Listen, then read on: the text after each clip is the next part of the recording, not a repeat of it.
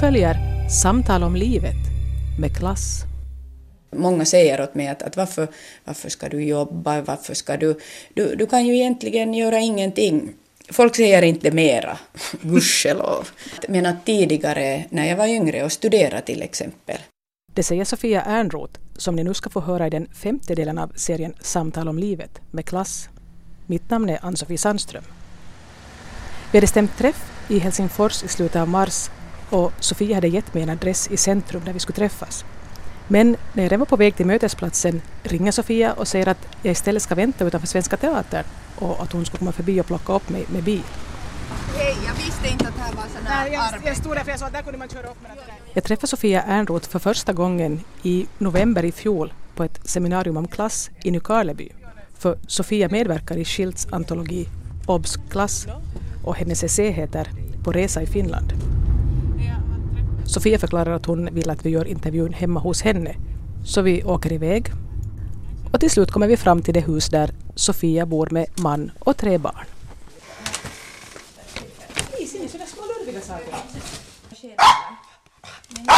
Så småningom slår vi oss ner för att prata. Och jag föreslår att vi börjar med en liten presentation. Eh, jag heter Sofia Enroth och eh, jag bor för tillfället på Brändö i Helsingfors. Min utbildning är egentligen helt inom konsten. Först som i Bildkonstakademin som konstnär, grundutbildning. Bildkonstnär heter det väl nu för tiden. Sen har jag studerat konstterapi, jobbat med det i tio år. Först ställt ut i tio år, sen jobbat med konstterapi i tio år och nu håller jag på att utbilda mig i någonting som heter Co-Creative Process Work som är ett verktyg som man kan arbeta med inom, i grupper, i företag. Att jag är nog förankrad i, i konstfältet på olika sätt, eller i kreativiteten. Var det självklart för dig när du växte upp att det var något sånt du ville ägna dig åt eller? Det var definitivt inte självklart. Jag hade glasögon sedan jag var tio. Och alltså tänkte jag i något skede att, att då kanske jag kunde bli optiker.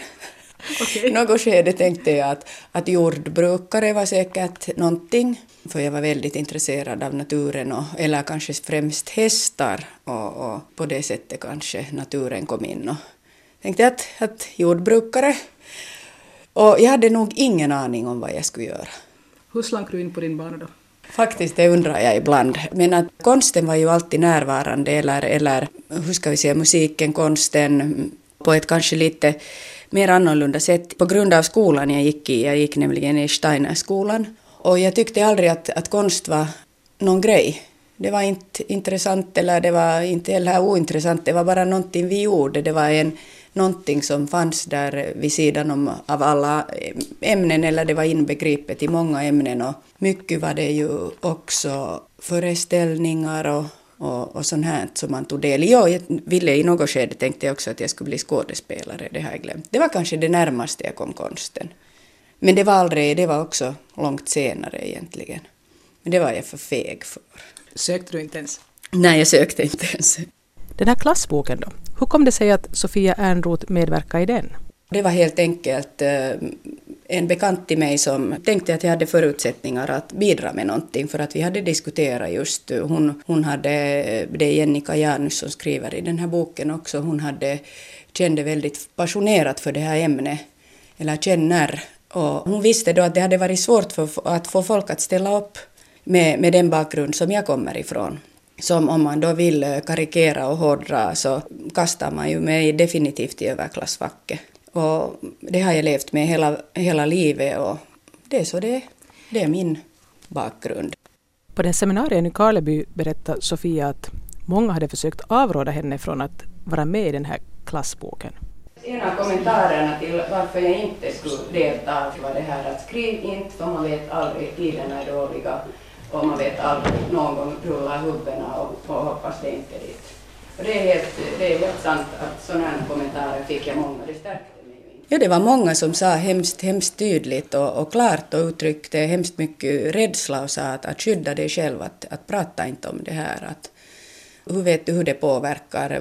Många har ju också den här 70-talets tongångar i, i minne. Och, men det har ju visat sig, tycker jag, att, att den farhågan var obefogad. Och, Och där spelar kanske den här terapibakgrunden in i mitt fall att jag tycker att det är väldigt viktigt att tala om saker som, som är på ett eller annat sätt tabu, att det är det enda verktyget vi har faktiskt. Och om vi inte för fram de här sakerna som är på något sätt obekväma, så eh, på något sätt, hur ska jag säga, lassar vi sten på bördan eller, eller att det blir osunt, det blir ännu mer osunt. Och därför valde jag säkert också till en del att, att skriva till exempel om inbördeskriget och många har ju frågat mig också att vad går du tillbaka till de här sakerna och tar upp sånt? Du, du levde ju inte ens knappast, dina, dina för, farföräldrar var ju knappt, de var ju små barn till exempel. Men att där också har det förvånande visat sig att det är någonting som berör och det, det upplevde jag ren, ren när, jag, när jag skrev den här texten att, att, att det var någonting som är, tycks vara väldigt laddat och, och det var för mig en, en intressant djupdykning. Men att eh, det var inte ett lätt beslut att fatta att, att eh, ställa upp i den här boken med det här temat. Samtidigt som jag är väldigt tacksam för att jag gjorde det. Att det var helt enkelt att få göra en personlig resa. En miniresa i antologi. Då, det är ju en hemskt kort text. Men att i varje fall så, ja. I början av sin essä om klass berättar Sofia Ernroth om en episod som hände under studietiden vid Nordiska konstskolan i Karleby. Jag hade haft turen att dela rum med en fantastisk kvinna, flicka i min ålder då, som beslöt att hon skulle lära mig finska och hon skulle radera ut mina objektfel och hon tyckte att det var helt patetiskt att jag var så halvspråkig. Och, och, hon höll på med det här och, och, på något sätt blev jag väldigt inspirerad av, av hela den där miljön i Karleby och, och överhuvudtaget såklart miljön i Nordiska konstskolan där jag gick men att också, också det här väldigt finska som ju är en finsk ö i, i svenska Österbotten på sätt och vis. Och jag kommer ihåg då när jag var på den här ehm, restaurangens övre våning och stod där med ett, ett ölstop i handen och, och talade med en sån här truck, vad heter det, långtradarchaufför heter det på svenska. Och vi inledde vårt samtal på finska och han, vi kom in på något sätt på huvudstadsregionen och Helsingfors och han blev fruktansvärt upprörd och utgöt sig över, över Helsingforsbornas ruttenhet, översitteri, herrefasoner och, och överhuvudtaget ansåg väldigt våldsamt att, att det vore bäst om man tog livet av största delen av Helsingforsborna på grund av att de var Helsingforsbor och, och han utgick ifrån att, att jag var, jag hade anammat vissa sådana här mm, språk, finska språk, mm, kanske dialektgrejer därifrån för jag tyckte det var så spännande när jag märkte att min finska blev bättre och bättre så att jag kunde gömma mig bakom det där. Och det var ju inte många ord jag behövde säga. Jag lyssnade ju mest på honom. Sofia skriver i sin essä att hon avstod från att fråga vad han eventuellt skulle ha tyckt om rika finlandssvenskar. Det som jag uppfattade i din text var att du hade jobbat ganska mycket med finskspråkiga, att det, det känns friare för dig att röra dig i de miljöerna ändå när du sen blev vuxen. Ja, det är väldigt konstigt egentligen när jag reflekterar över det, att, att det har definitivt helt klart funnits en större frihet på finskt håll. Vad det nu sen beror på, det finns mera finnar än finlandssvenskar i Finland. Kanske det är en så enkel, enkel faktor. Eller, eller som, som jag funderar i texten, kan det bero på att, att jag är då bara just den här basmodellen för, så som många finnar uppfattar finlandssvenskar, att jag är en bättre folk finlandssvensk från Helsingfors. Just så enkelt.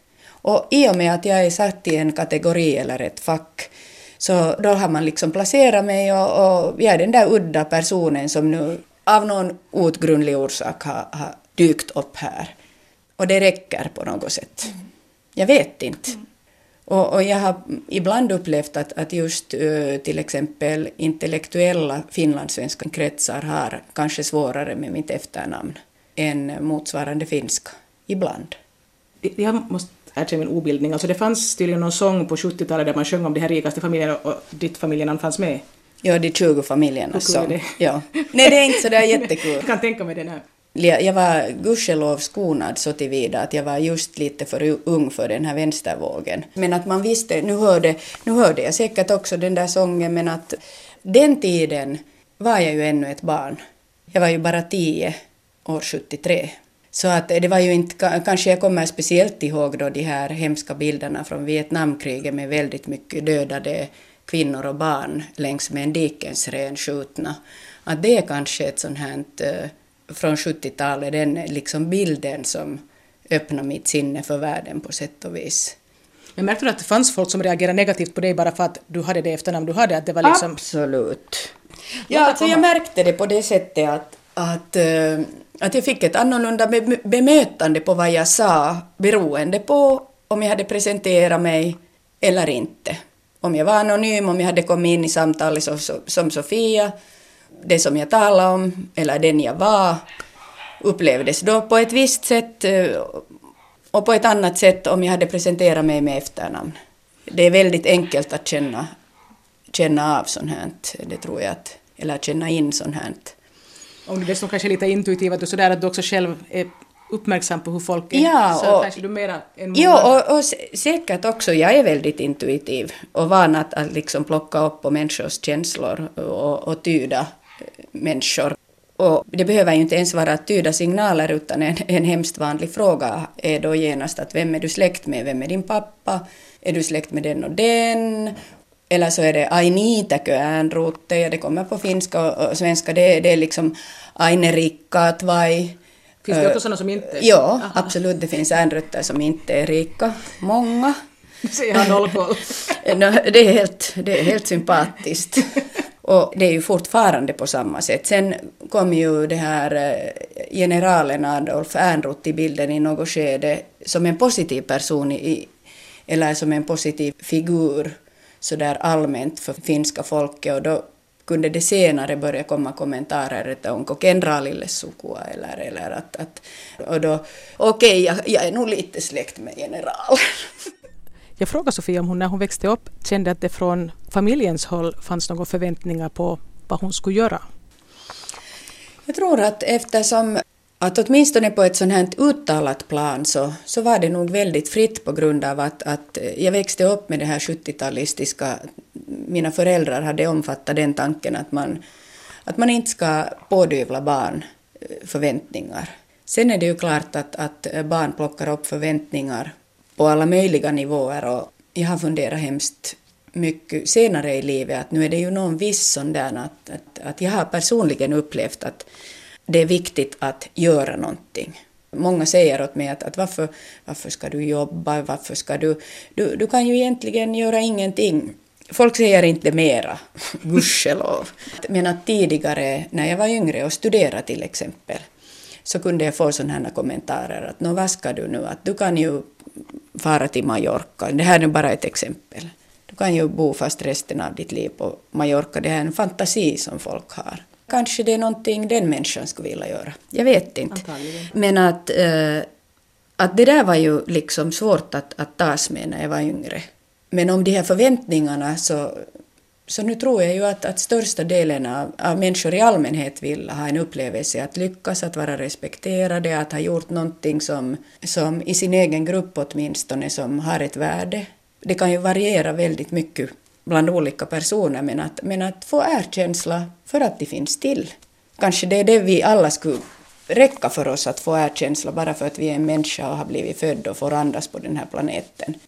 Så att, att det är väl väldigt sådana här grundläggande behov, mänskliga behov och, och, och då funderar jag ibland att, att eh, kanske då att, att mina farföräldrar var väldigt så här drivna och, och hade höga förväntningar. De hade höga förväntningar på, på oss alla barn. Det är helt klart att jag kände det inte från föräldrarna, vilket jag tycker att har varit liksom säkert en räddningsplanka. Att få ändå söka sin egen väg så pass. Jag frågade Sofia om hon minns att hon då under det här seminariet i Karleby nämnde en rikssvensk bok om klass och om hon kan berätta vad det var som hon speciellt hade fäst sig vid i den boken. Den heter Tala om klass. Mm, det är då en klassbok eh, liksom nerifrån upp där alla, alla skribenter är kvinnor och de har alltså alla gjort klassresan nerifrån upp. Och där är speciellt en författare, nu kommer jag tyvärr inte ihåg vad hon heter, som har skrivit nio punkter om vad en kvinna som gör en klassresa nerifrån upp bör fästa uppmärksamhet vid. Och det var väldigt intressant när jag läste det, för att jag kunde identifiera mig, jag skulle säga nästan 100 procent med sex, eller till och med tror jag sju av de här nio punkterna.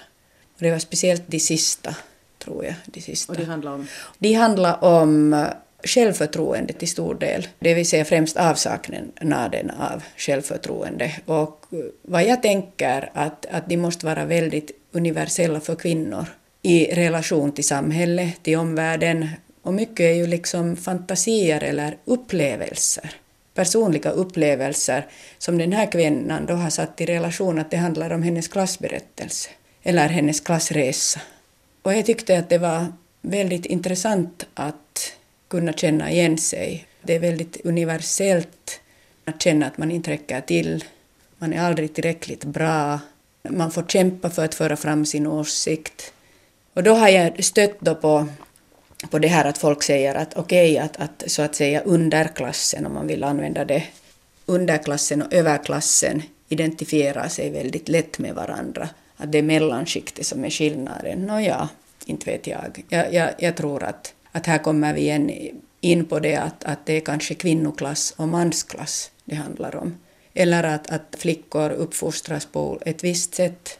Att man ska inte villa för mycket, man ska inte föra fram sig själv för mycket. Många talar om det här att, att man inte får tala med hög röst. Det var någon som sa att det är ett helt klart ett underklasstema. Och jag vet inte. Men har du själv upplevt att du har haft brister i ditt självförtroende, din självkänsla, att du tycker att du har känt när du var yngre att du inte räckte till och sådär? Absolut. Och det tror ju inte folk. Jag, eller, eller jag har absolut upplevt det att, att allt från att jag var för kort jag var för tyst, för högljudd, för blyg, för, för det ena, för det andra. Eh, liksom eh, jättemycket. Och inte vet jag, eh, många sen säger att de upplever mig jättehögljudd, jättesjälvsäker, jätte, alltid, ända sedan jag var barn. Och där ser man hur den inre och yttre upplevelsen inte alls behöver korrelera. Men att överhuvudtaget den här Tala om klass-boken, alltså den här svenska boken då som tog fram de här jag tror att den fick någon sån här kritik att, att väldigt arga och irriterande svenska kvinnor för mig kanske, jag tycker att den var intressant att läsa på många sätt och, och jag frapperades just av ilskan kanske. Att hur mycket ilska det finns i den här liksom klassdebatten. På något sätt gömd eller, eller, eller outtryckt. Och inte vet jag ens om ilska är rätta ordet utan det där att det är obearbetat helt enkelt. Och det är viktigt att föra fram just därför. På det här klasseminariet i november i Nykarleby gled diskussionen i något skede in på det här med pengar och lycka.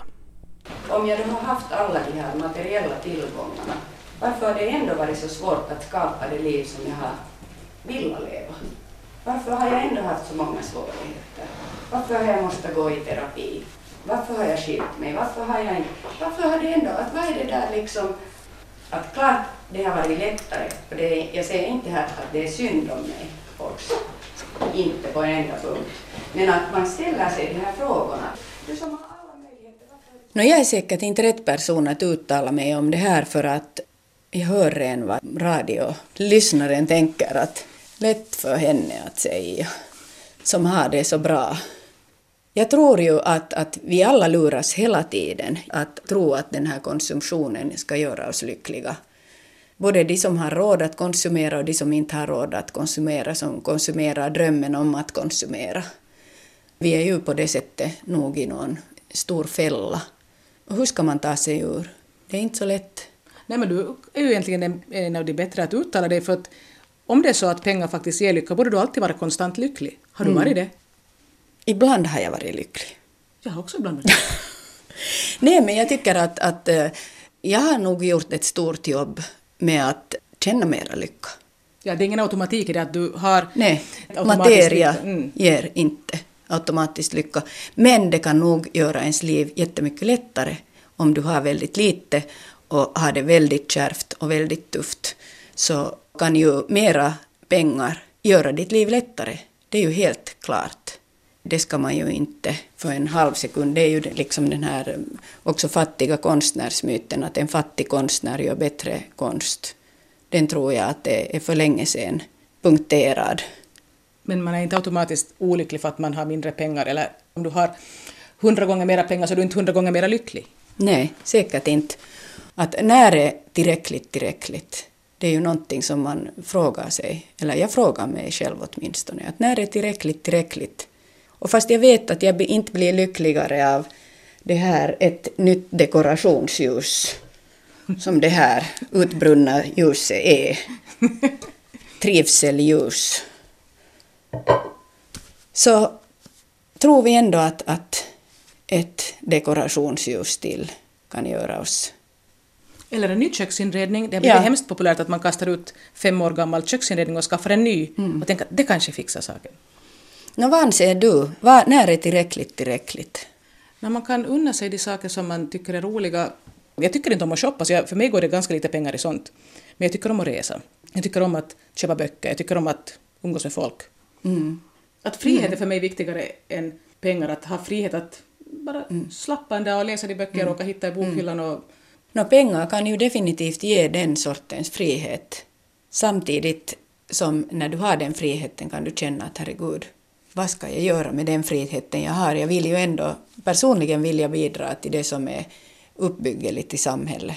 Jag vill bidra på ett relativt fiffigt sätt till någonting som jag åtminstone tror att är positivt för en större grupp människor för mig själv, min familj, för omgivningen där jag bor i Finland, potentiellt hela världen om vi alla kunde nå dit.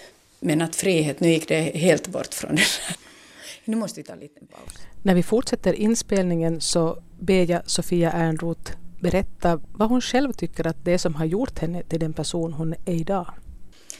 No, när du här i början frågade om konsten och, och hur det kom sig sen att jag valde konsten fast den inte kändes på något sätt utstakad eller faktiskt aldrig tänkte på att bli konstnär förrän i 20, över 20 års ålder. Så det hade väl mycket med sammanträffanden också att göra. Att jag upplever att mitt liv har varit en sån här räcka sammanträffanden som har fört mig där jag hackar på här och där. Och... Vi kommer lite in på avvägar och jag avbryter Sofia och frågar om det alltså då var på det sättet att det var någon tillfällighet som förde in henne på det här med konst.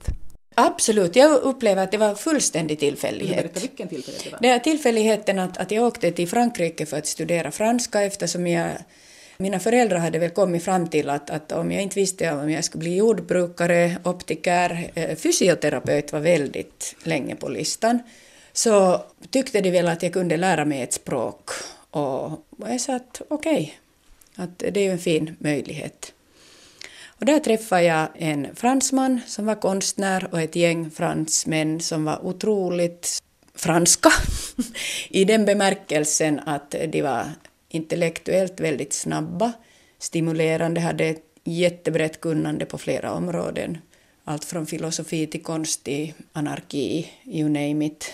Allt debatterades. Så att det var en tillfällighet. Och via de här människorna blev jag väldigt... Jag blev både kär och inspirerad och tänkte att kanske jag också skulle kunna pröva på konst. Och jag upplevde då att jag hade ingen konstbakgrund alls, fast jag då hade gått i Steinerskolan och många andra människor sen sa att men det var det klart du höll på med konst där, men att det var aldrig något som, som sagt, inspirerade mig där. Och, det behövdes Frankrike och lite, förälske, lite förälskelse. Ja, ja, någonting sånt. Men att sen, att varför jag idag då till exempel hela den här terapigrejen och till, till en del kom jag ju också dit via det att jag kände ett behov av att gå en egen terapi i något skede och annars också har jag en känsla att vi på något sätt, eller att jag åtminstone har blivit buren genom livet av många tillfälligheter och att, att det på något sätt är en väldigt stark kraft som jag upplever ju äldre jag blir, ju mer jag vågar lita på att det finns en, något momentum av synkronicitet i livet. Jag ber Sofia förklara eller ge exempel på det här med synkronicitet. Synkronicitet betyder det att, att, att händelser så där liksom att när man märker att saker och ting bara följer på varandra man säger gud vilken tur jag hade idag, allt gick så här att jag tänkte att jag inte skulle klara det här och sen kom bussen och sen kom just någon och mötte mig och tänk och så fick jag det där samtalet och det där backades och allting gick bara så här av sig själv. En sån här, vad ska vi säga, en bärande kraft. När man vågar lita på den så öppnar det sig upp också flera möjligheter än vad man någonsin kunde föreställa sig. Jag ser att i mitt liv har det faktiskt funnits helt klart vissa sådana här moment när jag har sagt okej, okay, det där ska jag nog klara av. Och det har sen fört in på något nytt. Men att jag ser att det finns en bärande tråd, att, eller en sån här öde, jag vill inte säga öde för jag tror att vi kan påverka vårt öde väldigt mycket, eller vår framtid.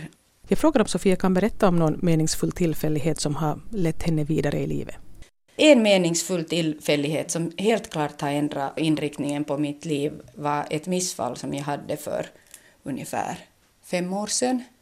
Det gjorde att jag träffade några människor som har betytt väldigt mycket i mitt liv, som har haft eh, stort intresse för ursprungskulturer, allt från samer till amerikanska indianer till aboriginaler till gamla traditioner. De här mötena som skedde, som kanske inte hade skett om jag inte hade haft det här tråkiga missfallet och som hade lett mig då till, till olika människor, så, så hade mitt liv säkert sett väldigt annorlunda ut idag.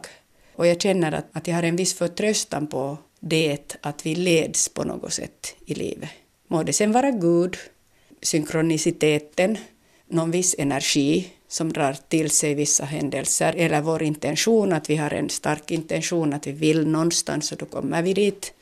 Någon kraft som jag tror att, att vi alla är en del av, så styr oss nog.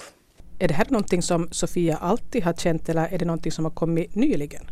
Vi var en hemskt areligiös familj, så att det vill säga att vi hörde till kyrkan, men, men det var ingen jotto så att säga. Det var varken positivt eller negativt. Eller jag menar, det var neutralt. Så kanske jag därför har haft en öppning att få skapa någon egen tanke om det här. Men jag kommer ihåg att redan som åtta när min mormor dog så var jag övertygad om att det fanns en reinkarnationstanke. Att jag har levt med det på något sätt. Jag har aldrig ens tänkt att det skulle vara något konstigt förrän jag ganska blev hemskt förvånad när jag uppfattade någonstans att att det här är någonting som folk kan känna väldigt starkt för. Nej, det är inte så. Jo, det är så. Mm. Så att på det sättet är det kanske inte nya tankar, men jag känner att, att eller jag har observerat i mitt eget liv att det verkar finnas en sån här linje som följer mig, eller jag följer någon form av linje i mitt liv.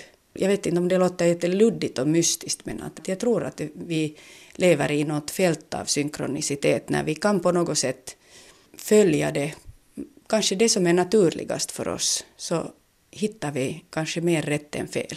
Vi har än suttit och pratat ganska länge och avslutningsvis frågar jag Sofia Ernroth vilka saker som är viktigast i hennes liv just nu.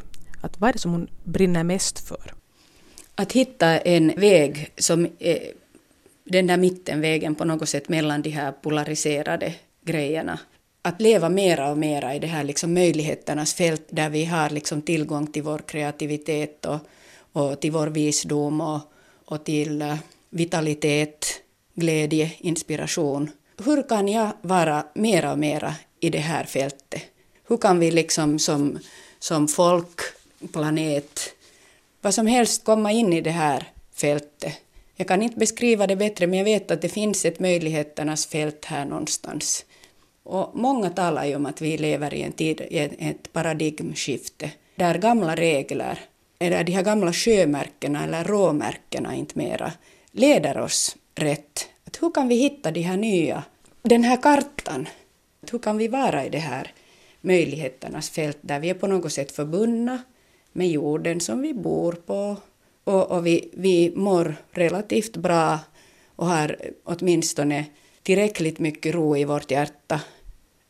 Det här är det som inspirerar mig. Eller det är det som jag hoppas att jag skulle få vara mera och mera och vi alla skulle få vara mera och mera i.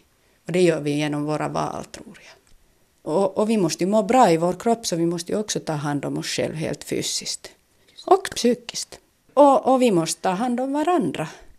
Det sa Sofia Ernroth. Nästa vecka samma tid får ni höra författaren Henrik Jansson i den sjätte delen av Samtal om livet med klass. Och ifall ni är intresserade av de program som redan har sänts i den här serien så kan jag berätta att de finns tillgängliga på arenan.